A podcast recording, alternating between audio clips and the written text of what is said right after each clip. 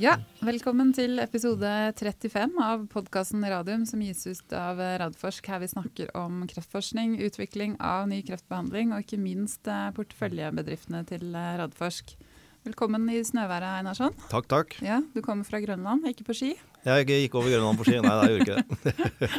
Det var eh, Heldigvis så finnes det så mange fornuftige mennesker i Oslo, så de aller fleste hadde, ja, som hadde fulgt oppfordringen å la bilen stå, så da var det god plass til meg på veien. Så, så bare det gikk helt fint. cruisa du Audien din. Ja. Så greit, da.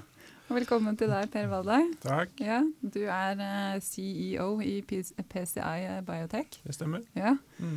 Um, du er en særs populær mann. Uh, vi har aldri fått så mye spørsmål noensinne. Jeg, jeg, tror jeg sitter her med sikkert 30 spørsmål. Jeg har sikkert fått ti til. Så det kan vi bare si med en gang. Det blir ikke svar på alle de spørsmålene. Ja, Det blir litt vanskelig, kanskje. Ja, det, Da får vi holde på i dag, og det, det blir litt voldsomt. Mm. Men um, er, nå er vi veldig nysgjerrige på, på, å høre siste nytt fra dere. For dere sendte jo ut en melding rett før jul, 20.12., ja. mm. eh, som ble ekstremt godt eh, mottatt. For det var en veldig positiv melding. Mm. Så kan ikke du fortelle litt om, om hva dere meldte, og, og, hva som skjer? Ja, Det som har skjedd, er jo at vi har, etter at vi fikk de gode resultatene i fase 1, så har vi jo sett på muligheten til å gjøre om den, den studien som vi har. For det er egentlig en sånn fase 1-2-studie, adaptiv studie. Så at fase 2-delen blir en, en, såkalt pivotal studie. En studie som man kan få godkjenning på. Og det vi da må gjøre, er å diskutere med regulatoriske myndigheter. Så vi har hatt møter med både European Medicines Agency, EMA, og Food and Drug Administration, FDA, som jo er henholdsvis da i Europa og USA for å diskutere i lys av at dette er en pasientpopulasjon, gallegangskreft, som vi behandler, eh, har en behandling mot, eh, som ikke har noen eh, godkjente behandlinger i dag, og at vi har relativt gode resultater vil jeg si, fra fase 1-studien. God tumorrespons. Det er få pasienter, men det ser veldig lovende ut. Mm. Uh, og at um, det er en orphan indication. Det er litt vanskelig å rekruttere pasienter, for det er ikke så veldig mange. Mm. Så har vi tatt det med oss til myndighetene og diskutert hva skal til for å kunne gå i uh, få en markedsføringstillatelse her. For det å gjøre først en på fase to og så to fase tre, uavhengige fase tre-studier i en sånn indikasjon, det er uh, nesten uetisk, vil mm. jeg vel kunne mm. si. Mm. Og, og, nesten umulig å gjøre. Mm. Og da har vi fått som svar tilbake at uh, Og det, er, det, blir litt forskjellige diskusjoner. EMA er uh, mer på et litt høyere nivå, diskusjonen egentlig. FDA blir ofte at de kommer med ganske detaljerte tilbakemeldinger på sånn og sånn og sånn bør dere gjøre. Mm. og det vi har kommet ut av dette her med, er en felles forståelse med disse to myndighetene om at vi kan gjøre en, en fase to-studie uh, som er en randomisert studie. Det vil mm. si at du tar pasientene når de kommer inn. De har en gitt uh, såkalt inklusjon-eksklusjonsprofil. Så det er en definert pasientpopulasjon. Og så randomiserer du dem til enten en kontrollarm eller en eksperimentell arm. Mm. To spørsmål der, eh, Per. Mm. Eh, det ene er eh, Har dere diskutert noe med, med, kontrollarmen? Altså Skal dere gi lys eller narremedisin, eller er det bare rett og slett en standard gemcitabin eller standard of care også mot den behandlingen deres? Ja, det er rett og slett en standard of care mot vår behandling. Og Grunnen til det er at du ønsker ikke å, å gå inn og gjøre den ERCP-en og samtidig eh, og lysbehandlingen, og så fortelle disse som ikke har fått eh, fimaporfin, at de må holde seg eller beskytte seg mot sollys i et par uker. og sånn. Ja, Hele den prosessen der, mm. den fungerer ikke, rett og slett. Det, går jo på etikken, uh, ja. det også. Ja, det går på etikk, ja. det også.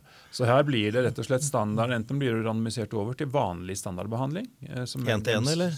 Ja. Én-til-én i, ja. i randomiseringen. Ja, én til én i randomiseringen. Det er det som gir det beste statistiske grunnlaget, ja. og som du trenger færrest hva, pasienter. Hva innebærer det, én-til-én? Det betyr at, for, eh, at, du får like store grupper. Ja. Kontrollgrupper blir like stor. Så du vil ha 25 og 25 f.eks.? Ja. ja. Mm. Mm. Skjønner. Og så har vi da også fått uh, tilsagn om at uh, vi kan legge inn en interimavlesning Mm. for en potensiell akselerert godkjenning. Altså Accelerated uh, er dette her i utgangspunktet, for vi gjør bare én fase to. uh, versus først fase to og så to fase treer. Mm. Så det er i utgangspunktet at man har fått tilsagn om at man kan gjøre det accelerated. Ja. Men i tillegg så har jeg da sagt også at vi kan gjøre en interimavlesning inni den studien. Eh, For eventuelt for å få en godkjenning på surrogatparametere Ja. i tidlig fase Ja. av studien. Og da vil det bare så det er, er helt klart for alle de som, som lurer på og hører på. Det vil si at dere blir enige om hvor mange pasienter som skal inn før dere gjør en interimanalyse. Og så er dere enige om hvordan resultatene skal tolkes. Eh, og hvis dere når det dere har satt dere som målsetting og er enige med myndighetene om, så vil dere få en markedsføringstillatelse, men studien går videre. Er det Ja, riktig? Det er Ja. riktig. Det er riktig. Mm. Det er sånn det er tenkt. Eh, Myndighetene tar jo alltid forbehold, eh, for for verden kan jo forandre seg. og Dette er jo en, også en safety efficacy-vurdering. De må se at det er safe nok, og at du får den effekten som Ja, vi har blitt enige om at vi skal få. Mm. Eh, og så må ikke verden forandre seg altfor mye i, i mellomtiden Nei. når det gjelder andre ting. Det har vi vært borti, det har vi vært borti Ja. før. Det er sånn ganske mye ting som kan skje der ute i verden, men jeg skal kanskje ikke gå inn på sånne store utenrikspolitiske Sånn all countries og sånn. Ja, nei, vi skal vel prøve å la det være. Ja, nei, la oss ikke gå der. Nei, men, men eh, interimen, er det blitt eh, bestemt når dere kan gjøre interimavlesningen? Det er det vi nå fremdeles har en del diskusjoner på. Det var det Mm. vi skrev i også den meldingen. At Ja. her er det en del ting som vi trenger videre diskusjon på Ja. for å låse en del detaljer rundt Mm. disse bitene. Så det er det vi driver med nå. Og Ja. her er det i utgangspunktet, da når vi har sånn oppfølgingsspørsmål til FDA, så er det ikke noen tidslinje lenger. Å nei. Sånn at da er det da må vi i tilfelle be om et nytt møte og få nye tidslinjer. Mm. Så her er det litt uklart hvor lang tid det tar, Mm. men uh, vi har som mål å, å bli ferdige sånn at vi kan følge de tidslinjene vi allerede har Uh, Ja. Eh, rapportert ut til, til markedet. Og for oss som ikke husker de, kan du da repetere det? Ja, det er jo sånn at Vi gjør en utvidelse av fase 1-studiet nå, der vi gjør to behandlinger. for å se om Vi kan gjøre, vi gjorde jo én behandling i fase 1, og nå Mm. gjør vi to behandlinger i en utvidelse. Den skal da inkludere eh, seks pasienter som er evaluerbare etter to. Man har gjennomgått to behandlinger og vært innom, inne i studiet i et såkalt DLT-window, som det heter. Et dose limiting toxicity window. Mm. Det er altså at Du følger pasienten etter den andre behandlingen for en treukersperiode for å se at de ikke får noen uh, adverse, altså bivirkninger Ja. av den andre behandlingen. som er... Uh, Der er det ren tox du skal ha ut som det er ren safety safety ja. ut av dette her. Er dette trygt å gjøre to behandlinger i disse pasientene med det tidsmellomrommet og i den gemstabin-cisplatin-systemiske behandling som, Ja. som pågår også? Hva, hva er bakgrunnen for å gjøre to behandlinger? Er det mer effektivt? Det er jo for at vi håper at vi skal få enda bedre resultater, Ja. rett og slett. Eh, Det er, ikke noen, det er sjeldent man har onkologiprodukter som bare har én behandling. De aller, aller fleste har flere behandlinger. Mm. Eh, Og det er ingen grunn til å eh, anta at vi ikke kan gjøre flere behandlinger. Nei. Og det er heller plausibelt å tro at flere behandlinger vil kunne gi bedre effekt. Mm. og mer langvarig effekt. Mm. Men siden dette da er en utvidelse, for dette, dette blir den første studien som du finner riktig dose på, og så utvider du den til denne pivotale studien. Ja, nei, Den blir ikke utvidet. Den pivotale studien blir en ny studie. Det blir en ny, Så du får ikke seamless, sånn at du, altså, du kan ta med deg pasienter fra den. Så den, den nye studien, det blir en ny egen studie. Det blir en ny Ja, egen studie. ja. Det gjør det. Fordi her skal vi ha en randomisert Ja. eh, studie. Ja, selvfølgelig. Du har jo ikke kontrollarm på de Nei. andre. Nei, nettopp. nettopp. Så, at, så for å få kontroll på det, så er det en, Ja. en ny studie. Men siden det er en orphan drug, hvor mange steder må dere sette opp eh, stu, altså studier, mange sites? Nei, det, er, det er en avveining her, da, fordi at uh, det er en orphan disease, og det er en veldig alvorlig uh, sykdom, skal jeg kanskje si på norsk. Mm. Eh, og, men det medfører også at det er spesialistsentre som tar de fleste av disse pasientene. Mm. Så du trenger ikke å gå ut til en masse bitte små sykehus rundt omkring Nei. for å fange inn pasientene. De kommer til relativt store sentre. Skjønner. Samtidig så er jo dette en prosedyre eh, som du må etablere på de sykehusene. De Mm. må ha en laser som vi har. Ja. eh, Og en del sånne ting, så Vi vil ikke gjøre dette her altfor komplisert med å ha for mange sentre. Nei. Så her gjelder det å finne riktig eh, sentre som har mange pasienter. Eh, og inkludere et fornuftig antall. Og det er kanskje, Vi kan tenke oss et eller annet sted mellom 30 og 50 sentre eller sånt som, som blir inkludert mm. i en sånn studie. Norge? Eh, Norge er, er, et senter i studien allerede i den utvida studien, og har in, uh, inkludert pasienter her også i Norge. Mm. Det, det, er hyggelig å høre. Jeg har mm. hatt litt hjertesukk mens du var borte i JP Morgan om norske helsebyråkrater og avslag på REX-søknaden til Nordic Nanovektor og litt sånn. Så det er, det er, hyggelig å høre at det Ja, nei da. Vi har absolutt uh, intensjoner. Men de prøver seg ikke på seamless design, vet du. Nei. Prøver seg ikke på noe nytt sånn sett. Jeg må be benytte anledningen til å beklage da, at, jeg, at, at, jeg, tok litt av forrige gang og kalte denne byråkraten for en nissebyråkrat. Jeg beklager det. Jeg trekker tilbake. Det er bare en helt vanlig firkanta byråkrat. ok. Jeg vet ikke om du kom noe bedre ut av den, men uh, for all del. man må gjøre som Trump, han må prøve å korrigere liksom. sine små ja. Og så blir det bare verre. Men uh, uh, børssiden av dette her ja. For dette skjønte jo aksjonærene. Det er jo tydelig at det jeg nå har fortalt, det er ja. mange som har forstått og har fått litt øynene opp for at dette her er jo faktisk en Neste fase på dette er en pivotalfase, eh, og vi får en akselerert review. Mm. Eh, og da ligger markedet ikke så fryktelig langt frem i tid. Nei. Og det er liksom ikke sånn den ørkesløse vandringen er kanskje slutt. Mm -hmm. og, og, og, da tror jeg det er mange som får opp øynene og syns at det her ser spennende ut. Mm. mm. Men ut fra alle de spørsmålene vi har fått også, så ser det liksom ut som at uh, altså det, dere har en litt sånn heiagjeng også der ute. Ja, det er hyggelig. Ja, ja. Sånn, jeg tror det har fulgt dere lenge også, liksom gjennom ja. hode nakke. Og, uh, og, selv om de gikk vel litt ned i kjelleren da, det var jo ikke så rart, men så har de liksom sånn mm. fulgt dere videre og syntes at dette her var uh, altså virkelig gøy da, for mm. selskapets skyld. Mm. Mm. Og så har de jo tjent penger på det òg. Sikkert. Sikkert. det er vel det som er det viktigste. Hvor mye hadde dere gått opp siden siden jul, eller siden uh, Ja, vi har vel gått opp fra ja, Det begynte jo etter at den meldingen kom, men det tok litt tid før folk uh, begynte skjønte å reagere på ja. det og skjønte, på, skjønte, det, tror jeg. Vi, treng, vi trengte en podkast først, så kom den. Eh, ikke sant, det var sånn det var. det var, uh, var det jul, du forteller, det var vel en tre fra 20 noe, et eller annet, opp til 60 ca. Ja. Ja. det er gøy. Mm.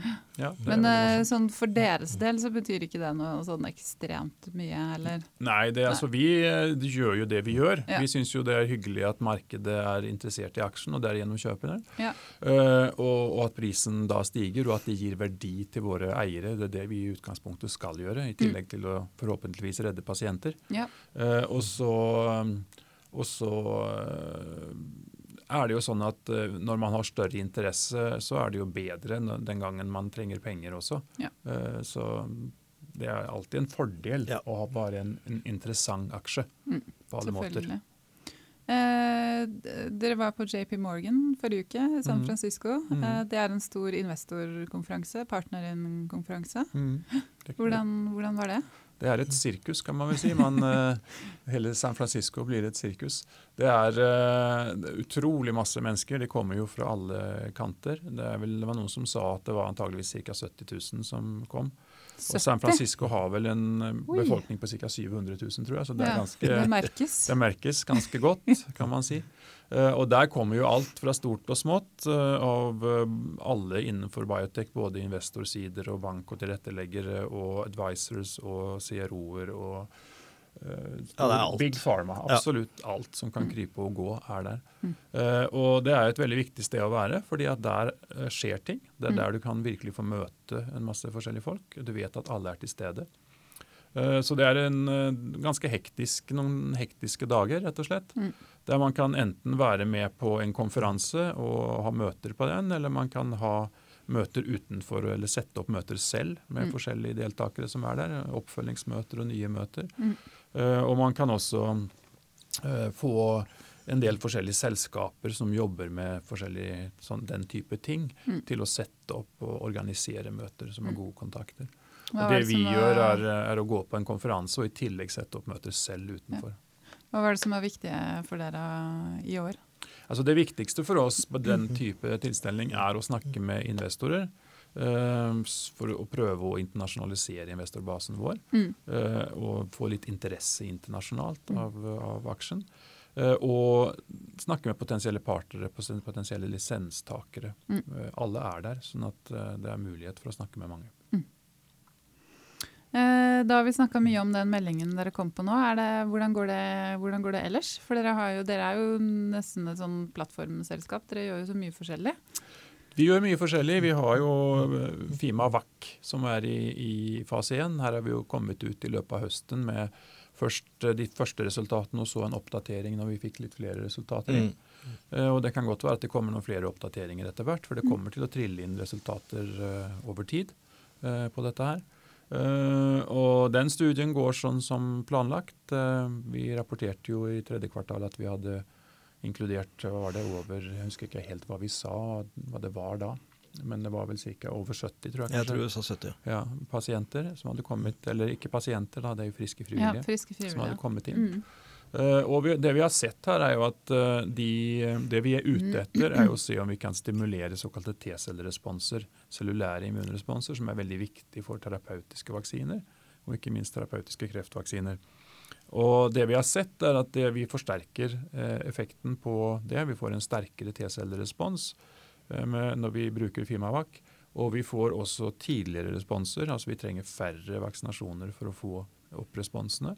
Og det er høyere responsrater, altså det er flere av de friske frivillige som responderer. Mm. Så alle de tre er faktorene som er, eh, som er viktige, ser det ut som om vi har effekter på. Mm. Og du får den brede T-celleresponsen også. Eh, det, det, det vi får er å møte Det vi måler nå i første omgang, er det vi kaller for overall T-cell response. Så det er CD3 vi måler, rett og Aha, nettopp. Eh, og så kommer vi til å gjøre flow-analyser for å separere ut en rekke forskjellige ting, bl.a. CD4 og CD8. Ok. Så nå, nå er det overall-responsen CD3 det er som er, overall er målt T-cell nå. response Ja. som er målt, som Bra. er rapportert. Så kommer vi til å komme ut med resultater på hvordan det her fraksjonene ser ut etter hvert som vi har eh, kommet videre med, Ja. med de analysene. Mm. Men dette er en studie som fortsetter. Vi har jo utvida den. Eh, også fordi at eh, det beste resultatet som vi rapporterte da, det hadde vi jo på den laveste dosen. Mm. Eh, og da vet man jo ikke Vi vet at fra prekliniske, altså fra dyreforsøkene, at det er en såkalt klokkeformet responskurve. Mm. Sånn at eh, når du går fra en lav dose og oppover, så vil den gå opp til en topp, og så vil den begynne å gå ned igjen. Mm. Og siden vi da har den laveste dosen med beste respons, så lurer vi jo på om er vi på toppen av klokken, eller kan Mm. vi gå lenger ned og få enda bedre Mm. responser. Mm. Eh, Så vi er nødt til å gjøre noen flere grupper enn vi i utgangspunktet hadde tenkt. Mm. Men det er jo i seg selv en, en positiv Ja, ting.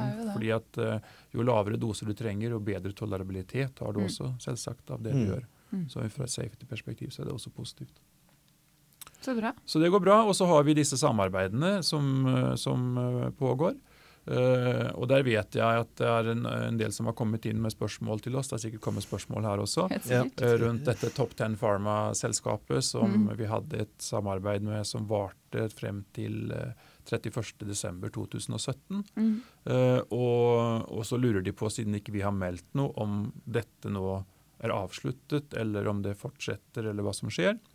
Eh, og så lenge vi ikke har meldt noe, så har vi ikke meldt noe. Nei. Så, sånn at, Eh, ja, eh, det var litt smør på flesk, men ja. Nei.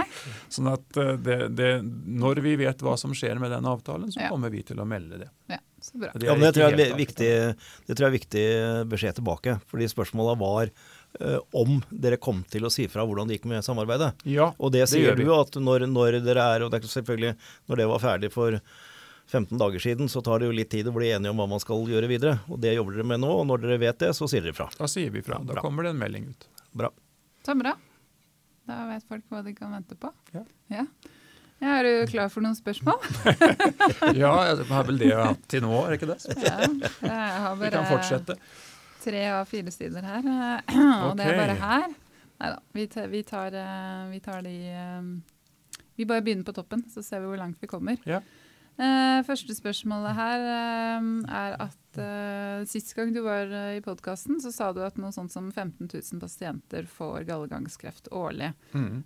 Hvor stor andel av disse pasientene vil da kunne bli behandlet av deres behandling? Og hva vil prisen for eh, behandlingen eventuelt bli? Når vi sier 15 000, så er det på tvers av Europa og USA. Da har vi ikke regnet inn Asia. Nei.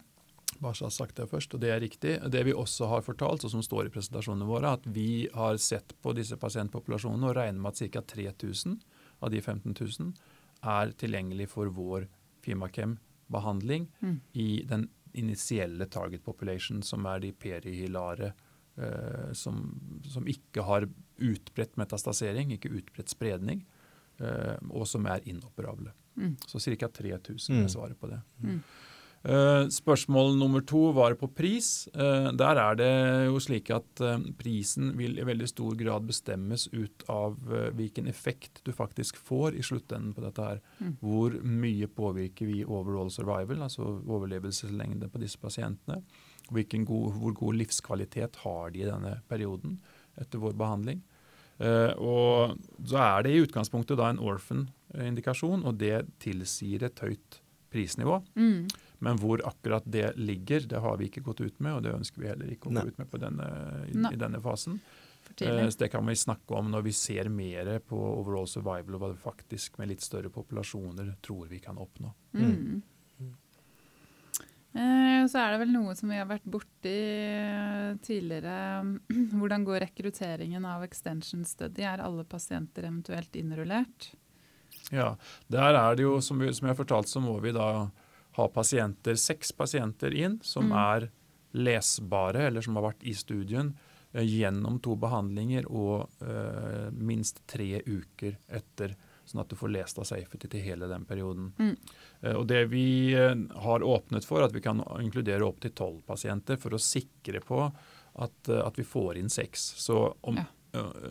så inkluderingen, når den er eh, Når vi har inkludert nok pasienter, det vet vi egentlig ikke før Nei. vi har lest av nok pasienter. Ja. eh, holdt jeg på å si. Ja. Så vi overinkluderer nok en del pasienter der. Ja. Det vi har meldt er når vi fikk første pasient inn, og det vi kommer til å melde er når vi har seks evaluerbare pasienter som har passert DLT-vinduet, Mm. og hvilke resultater vi har der. Ja. Derimellom så sier vi ingenting om, Nei. om rekruttering. Eh, og da svarte du på det neste spørsmålet, for det var resultatet fra extension study. Så det, Ja. det, det får vi se på. Ja. Uh, og så er det et spørsmål om det er mulig å starte da pivotalfase 2 straks resultatet fra extension-stedet foreligger. Men det er kanskje uavhengig av hverandre, hvis jeg skjønner det er riktig? Eh, Det er ikke uavhengig av hverandre, for vi må ha den safety-avlesningen av de seks pasientene for å vite først. at vi kan behandle to ganger Mm. i den pivotale studien. Mm. Dersom det viser seg å ikke være trygt å, å gjøre to behandlinger, så må vi gjøre en pivotalstudie med én behandling. Så det er det som avgjør nå. Så det er det som avgjør. Så vi må ha extension-resultatene tilgjengelig før vi kan starte pivotalstudien. Mm. Eh, om den kan starte straks, eh, det, er, eh, eh, det er litt avhengig av hvor raskt vi får de resultatene, Mm. og, og, og de andre aktivitetene som pågår, bl.a. diskusjoner med myndighetene, kontrakter med, med sykehusene som skal delta, få protokollen ferdig, Mm. få alle etiske godkjenninger for den nye designen osv. Mm. Eh, så Det er et voldsomt arbeid Det er som ligger bak en pivotalstudie. Ja, Absolutt. Ja. Da, vi snakka litt om dette i forhold til eh, Nordic Nano-vektor Ja, der også, at dette er en dynamisk prosess hvor det foregår faktisk parallelle prosesser hele tiden med, Mm. med sykehuset, med å få levert ut laseren, eh, med å få de regulatoriske svarene. Så kan det være ett land som kommer med ett spørsmål som du ikke hadde regna med. Eh, Så det er en dynamisk prosess, og det viktigste her er at prosessen er på skinner. Mm. Eh, og så vet du at jeg er litt forkjemper for at vi slutter med disse datoene Mm. om nøyaktig når man gjør hva, fordi det, det sånn vet vi ikke. Eh, det som er viktig å si fra, er hvis det er noen hiccups. Ja. Og hvis, Ja. det ikke er, hvis ikke det er det, så, så vet vi at prosessen er i gang. Ja. Mhm. Skal vi se, er, Folk skriver så lange spørsmål her. Så det, er, Da må du snakke begynne- lenge, da. Begynne gang. Um, kan PCI endelig bekrefte at vi ser abskopal effekt på Fimakem for preklinisk og klinisk, og vises det abskopal, abskopal effekt preklinisk i Fimavac? Ref side 20 i Biotech Showcase. Nå har ikke jeg Biotech Showcase foran meg her, så Det jeg er mus, musforsøket. Og hva er abskopal ja. effekt? Mu- Musforsøket med den uh, stipla linja på den tumoren som ikke Ja, er blitt altså, uh, den er strålt på. Ja, ja. ja. Jeg tror vi skal, Nå må vi sortere litt i begrepene her. tror Ja, jeg kanskje. gjør det. Takk. Eh, Jeg abskopal effekt, det, det er altså Det er egentlig to latinske ord. Mm. Ab og scopus. ab betyr utenfor, og scopus betyr det er samme som engelsk scope. Ja. Altså Fokus. område, Område. eller mål Ja. eller Ja. hvor, hvor det skal gjelde, hvor det, Mm. hva det er. Så det er utenfor uh, områdeeffekter. Abskopale effekter. Ja. Så det er jo noe man har gitt uh, som navn til eh, når man så f.eks. ved strålebehandling, en del stråleterapibehandling, Mm. at man også fikk effekter på metastaser når man behandlet en primærtumor. Mm. Eh, så, så visste man ikke egentlig helt hva dette skyldes til å begynne med. Eh, og så har man gjort en del- forskning på det, og det her er nok immunrelaterte effekter, er det vist seg. Eh, og at man da induserer det man kaller for immunogen celledød, som kan gi en respons i immunsystemet, som igjen da kan hvis ikke disse metastasene er helt beskytta og, ikke ses av immunsystemet, så kan de påvirke de og, og drepe celler der også. Mm. Eh, og når man da har en lokal behandling, som vi har i Fimakem, da kan man snakke om abskopale effekter. De effektene vi har sett i preklinikk, det går først og fremst det at hvis vi tar og behandler med Fimakem en svulst og får den bort, og så prøver å inokulere samme svulst igjen i det samme dyret, så klarer ikke den svulsten å etablere seg. Nei. Og det er da antageligvis for at immunsystemet har lært å kjenne, blitt aktivert av denne behandlingen til å kjenne igjen denne svulsten, Mm. fordi man har eksponert den på en måte for immunsystemet gjennom behandlingen. Mm. Og Det samme kan jo da være en abskopal effekt hvis du har metastaser. Uh, og så har vi i, i eh, den, den kliniske studien den som blir publisert i Lancet Oncology, der ser vi jo effekter utenfor belyst område også. Mm. Og Det spekulerer jo forfatterne av denne artikkelen at dette her nok kan være immunmedierte, såkalte Ja. abskopale effekter. Mm. Og så har vi også fra, fra Gallegang-studien så har vi også tilsynelatende effekter på eh, svulster som ligger eh, ikke akkurat der vi har lyst. Mm. Men da skal man også ta i betraktning at de pasientene får systemisk behandling, Mm. gemcitabin pluss cisplatin. Mm. Så hvorvidt det skyldes vår Fimakem, eller om det skyldes at de har respondert på, på den systemiske behandlingen, det vet vi ikke før vi har en randomisert studie Nei. der vi har nok med pasienter som vi kan sammenligne i hvilken grad disse, disse Ja. svulstene reagerer Mm. med når de får eh, Fimakem eller ikke. Det, det har vært spekulert veldig, jeg har fått masse spørsmål rundt dette. Så Det er, det er litt liksom viktig å sette det i perspektiv. Jeg er helt enig med din tolkning av dette, og jeg er ganske overbevist om at det er en immunogen effekt uh, som man uh, får. Mm. Uh, og til å begynne med, som Per sier, så skjønte man ikke hva Nei. det var når man så det f.eks. på strålebehandling. Men vi har sett det også på andre intratumorale behandlinger med type onkolytisk virus Mm. eh, og dette peptid, eh, onkolytiske peptidet til Lytix har også vist noen musforsøk med det. Mm. Eh, og vi har sett det i stråling. Altså det, det vil vel antagelig si at der hvor vi behandler lokalt, og ikke gir en systemisk cellegift, men behandler lokalt på en eller annen måte, så får vi denne immunogene celledøden som gjør at det kommer masse nye antigener ut som kan bli gjenkjent igjen, og så får du på en måte sparka i gang immunsystemet. Så det er, en, det er eh, veldig betryggende og positivt å se at denne effekten kommer, men det er ikke sånn så noen har hevdet at det er PCI Biotech som har oppfunnet den abskopale effekten, og at den aldri har vist, vært vist før. Men det passer inn i mønsteret. Ja. Det er det Ja, viktigste med den. Absolutt. Altså, absokpale effekter har man jo observert tidligere, bl.a. ved strålebehandling. Så det er Ja. ikke noe uhørt ved det. Men det er en positiv ting dersom man klarer å indusere disse effektene. Absolutt. absolutt. Når det gjelder Fimavac, da, Mm. så er jo ikke det en abskopal effekt. For Fimavac er en vaksinasjonsteknologi. Mm. Og da, da er ikke, det er ikke en lokal behandling. Selv om du behandler lokalt, så er intensjonen at det skal virke i hele Så scope er at det skal virke i hele kroppen. Mm. Eh, og det er Napskopal ville være hvis eh, nabopasienten også begynte å reagere på behandlingen, tror jeg. Ja. For da er det utenfor området. Men så lenge det er innenfor pasienten eller innenfor det dyret som Ja. du har brukt firmavakt på, og det er andre svulster som reagerer, så er det i utgangspunktet en, det vi ønsker å oppnå med vaksinasjonsbehandlingen. Det vi da har gjort i den studien, er jo ikke å vaksinere i huden, men å prøve å vaksinere i tumor, Mm. i svulsten, for å se om vi da kan få noen tilleggseffekter, altså gjennom såkalt antigen spread eller antigen, at man får eksponert neoantigener. Ja. og derigjennom kan få en enda bedre effekt på, på svulstene. Mm. Så det er, det er, det som er intensjonen med det, men det er ikke en abskopal effekt i sin, i sin rette Forstand. forstand. Skjønner. Vi, eh, vi går videre. Tar et par spørsmål til. Ehm, når, hvis i parentes PCI Biotech har fått godkjenning for gallegang, hvor komplisert er det da å få godkjenning for kreft andre steder der man kommer til med blålyset? Eh, blålyset Vi Ja. bruker rødt lys, Ja. men ellers så Noen, noen som tenker litt på fotokur her, Fotokur, sikkert. Ja. Ja, blålys. blålys, ja. Det er ikke politi og brann. Nei, eh, det er eh, den kliniske bevisbyrden når det gjelder effekt, og for så vidt safety også, er like stor, kan Mm. man vel si. Mm. Eh, Det, er, det at en behandling virker i én kreftform, betyr ikke at den automatisk virker i en annen kreftform. Kreft er mange forskjellige sykdommer egentlig, Ja. som har et lignende preg, kan man jo si. Eh, Men eh, det er klart at det er en masse annen dokumentasjon. eh, Såkalt CMC, altså produktet og, og, og produksjon av produktet, kvalitet og stabilitet og holdbarhet. Det er alt av preklinisk dokumentasjon på toksikologi og safety. Alt dette foreligger allerede. Mm. I tillegg så har du gjort fase 1-studie der du har vist generell safety. Mm. Så det med å få såkalte indikasjonsutvidelser er mindre ressurskrevende. Mm. Men det, du, det er ikke sånn at du ikke trenger å vise at det virker Nei. også i den eh, andre kreften. Du må vise det i den også for å Ja. få det godkjent. Er det noen andre kreftformer hvor det er naturlig å se på?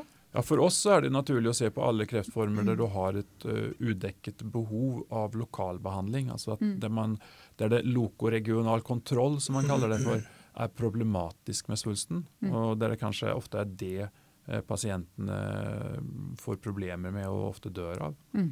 Eh, og så er det det, altså det kan være blærekreft, og det kan være for så vidt hode-halskreft, som vi har vært innom tidligere, men har forlatt. fordi at det, på den måten vi det gjorde, gjorde det da, var det ikke det var ikke hensiktsmessig i forhold til den konkurransen som kom. Nei, nei. Eh, men Fimavac kan være et interessant å applisere f.eks. på, på hode-halskreft. Mm. Mm. Eh, og så er det mm, ja, det er esofagus, spiserørskreft, eh, alle Mm. hulromskreftformer Ja, ja. egentlig. Eh, og så da spesielt hvis de har en, en uh, kjemoterapi som vi vet at vi kan forsterke, og som er aktiv allerede i den kreftformen. Ja, og Gemcap, eller altså den kombinasjonen, er vel den som stort sett brukes på denne type eh, svulster. Veldig hvitt vidt, vidt brukt. Ja. Absolutt veldig vidt brukt. Også nå innen, inn eh, pankras. Mm. Er jo allerede etablert i Europa og Ja. kommer antagelig til å bli det i USA også. Ja. Det er den samme kombinasjonen som du bruker i, i gallegang. Eh, og jeg vet jeg har også fått spørsmål om nettopp rundt uh, Så og det er selvfølgelig besnærende om man kunne fått noe som fungerte på den lokale kontrollen der. Men der er det mange spørsmål som de må diskutere. Eh, skal man gjøre på inoperable der? Eh, og da er tumor som regel veldig svær. Der er det masse metastaser som pasienten antagelig dør av på veldig kort tid allikevel, så kanskje ikke de har noe å tjene på Mm. å få den lokale tumor tumorkontrollen. Kan man tenke seg å bruke det på restene etter en operert pankraskancer. Altså det, det er veldig mye spennende her, men, men jeg går ut fra at, dette, at dere både jobber med det, men at det, her er det mye, mye, mye spørsmål. Ja, det jobber, vi jobber med dette her. Vi, altså, vi jobber også med å se på hva er de neste indikasjonene. Uh, life cycle management av dette, Ja. rett og slett. Mm. Og planer for det. Uh, men akkurat nå så fokuserer vi først og fremst på å få den pivotale studien, så vi kan få en markedsføringstillatelse. Høres, høres fornuftig ut, Per. Det høres veldig fornuftig ut, men det er klart at Asia med alle sine eh, hulromstumorer, som jo er eh, mye, mye større der nede, Mm. inkludert øsofagus og, og andre, er jo, er jo Det er spennende utsikter, da. Absolutt. Det er det. Det var veldig bra overgang til neste spørsmål. For det er spørsmålet om dere kommer til å inkludere noen asiatiske sider. Det har vi ikke konkludert på ennå. Eh, Så det er litt avhengig av eh, ja, mange forskjellige ting. Men ja. det går også på en del regulatoriske prosesser. Mm. eh, og Er det veldig annerledes? det er-? Ja, det er eh, ikke veldig annerledes, Mm, men mm. eh, det er en del annerledes. Mm. Eh, Så, sånn at det er Jeg vil ikke si verken ja eller nei til det ennå. Det er noe vi driver og vurderer. Mm. Så får vi heller komme tilbake til det når vi har Mm. sett nærmere på det. Det kan vi gjøre. Jeg tenker vi tar siste spørsmål. Det er Hvilke strategiplaner har dere for å utforske eventuelt eh, kombinasjonsbehandlinger med checkpoint-inhibitorer? Det er eh, noe som vi ser på i relasjon til de diskusjonene vi har med partnere. Mm. Eh, vi, ikke, vi, har ikke noen planer selv nå å starte noen eh, kombinasjonsstudier i egen regi. Nei. Men det kunne være interessant å finne en partner å gjøre det sammen med. Ja. Mm. Kan du, Et spørsmål fra meg sånn mot uh, slutten. Uh, kan du si noe nå om Eller antagelig er svaret at alt er åpent, men med, med strategi for videre finansiering. Uh, nå, nå har du jo begynt å få en viss peiling på hva denne pivotalstudien vil koste. Mm. Uh, og det er det på en måte du har sagt tidligere, at det skal liksom danne grunnlaget for uh, om det blir partner eller om det blir en emisjon, eller hvordan, og tidspunktet for det. Er det for tidlig å si noe, eller kan du si noe om det? Jeg syns det er litt for tidlig å si okay. om det. For det er, det, man spekulerer så veldig mye ut av de ordene som kommer ut av min munn. så jeg vil helst ikke, ja, jeg vil helst ikke si, uh, si noe om det nå som kan Nei. feiltolkes på noen som helst måte. Du, kan- du kan svare som en eh, annen herværende CEO i et av de andre selskapene sa han ble spurt om de hadde samtaler med Big Pharma. Og da sa han at alle CEO-er i små selskaper som sier at de ikke har samtaler med Big Pharma, de ljuger. Ja, det er helt riktig. Rett og slett. Men uh, 2018 blir veldig spennende år for dere, da, sånn kort Det blir kjempespennende. Mm, det er veldig mye som kan 17 komme var på spennende, plass. og 18 kan bli enda mer Ja. spennende. mhm. Så, Absolutt. Nei, men det det er hyggelig, for da får du komme tilbake. Det gjør jeg gjerne. litt mer med oss Det gjør jeg gjerne. med ny spørsmålsstorm. Har du noe sånn hjertesukk eh, på tampen her, eller? Nei, nå Har har jeg vel eh, suk sukket såpass mye over disse byråkratene at eh, Nei, jeg, hadde faktisk en, eh, en spennende samtale litt tidligere i dag, derfor jeg kom litt hesblesende ned her, med et konsulentfirma som har fått i oppdrag av myndighetene, inkludert Innovasjon Norge, om å se nærmere på branding av norsk helseindustri Mm. i utlandet. Og det kommer jo en stortingsmelding også innenfor helseindustri nå. Og hva er norsk helseindustri, var liksom mitt spørsmål. Eh, har dere definert det? Ja. Hva er det for noe? Er det, liksom, er det er apotek med i norsk helseindustri? Er eh, alle nye måter å behandle en pasient bedre på en del av helseindustrien? Er det Medtech som vi er gode på? Er det eh, biofarma som vi, eh, vi jobber med? Eh, Og det var liksom litt mitt sånn hjertesukk til de, at dere må først bestemme dere for hva det Hva er dere dere brande? skal brande. ja. Og hvis jeg skal gå i utlandet og i USA og si at Norge har en veldig bra helseindustri, så eh, vet jeg ikke om det var så stor om. Men hvis du sier at vi satser på helseindustri innenfor dette området og dette området og dette området, hvor da selvfølgelig vårt område er en av de, og Medtech er absolutt en av de, da har du en litt større mulighet. Og så var det andre litt sånn hjertesukket var hva er target-gruppen? Hvem, hvem er det du ønsker at skal få vite om dette? Er det Big Pharma? Er det internasjonale investorer? Begge deler er vel antagelig eh, ja. Er det regulatoriske myndigheter som skal bli enda mer oppmerksom på at vi gjør gode ting her i Norge? Så det er en mulighet å gjøre dette. Og så må det munne ut i Bent. Høie, det må munne ut i en klar marsjordre Mm. til det norske, runde, flotte helsebyråkratiet om å gjennomføre det dere blir enige om. Mm. Godt sagt. Godt sagt. Det kan, da kom det, kom det et hjertesukk. Eh, to ting på tampen. Det er Cancer Crosslinks på, på torsdag 18. Eh, der er det sikkert fullt, men det streames. Ja. streames. Eh, på oslokanskluster.no. Og om en uke så sitter eh, Luigi Costa og Jostein Dale her fra Nordic Nanovektor. Det skal bli veldig morsomt. Høre hva som skjer der, og ikke minst få høre litt mer om dette, denne REX-søknaden som Ja. ikke har kommet, eh, kommet gjennom. Hva det egentlig betyr. Ja. Det er jo ikke sikkert det betyr noe. Nei, det Nei, vet vi jo ikke. Har det, viktige spørsmålet eh, er egentlig har det noe betydning for Ja, eh, norske kanskje pasienter, eller er dette en enkel ankesak og de kommer gjennom? Ja. De, altså de, de søkte om å få et seamless design, og så har de tydeligvis fått det i andre land, det, Mm. men ikke i Norge. Der måtte de sende inn en helt ny søknad. Mm. Sånn at eh, det, det kanskje betyr at det er norske pasienter som i dag ikke blir inkludert, som burde, burde vært det. Det får vi forhåpentligvis litt mer klarhet i om Ja. en ukes tid. Så hvis det er spørsmål til, til Luigi eller Jostein, eh, så er det bare å sende inn på, på mail som vanlig. Takk for nå.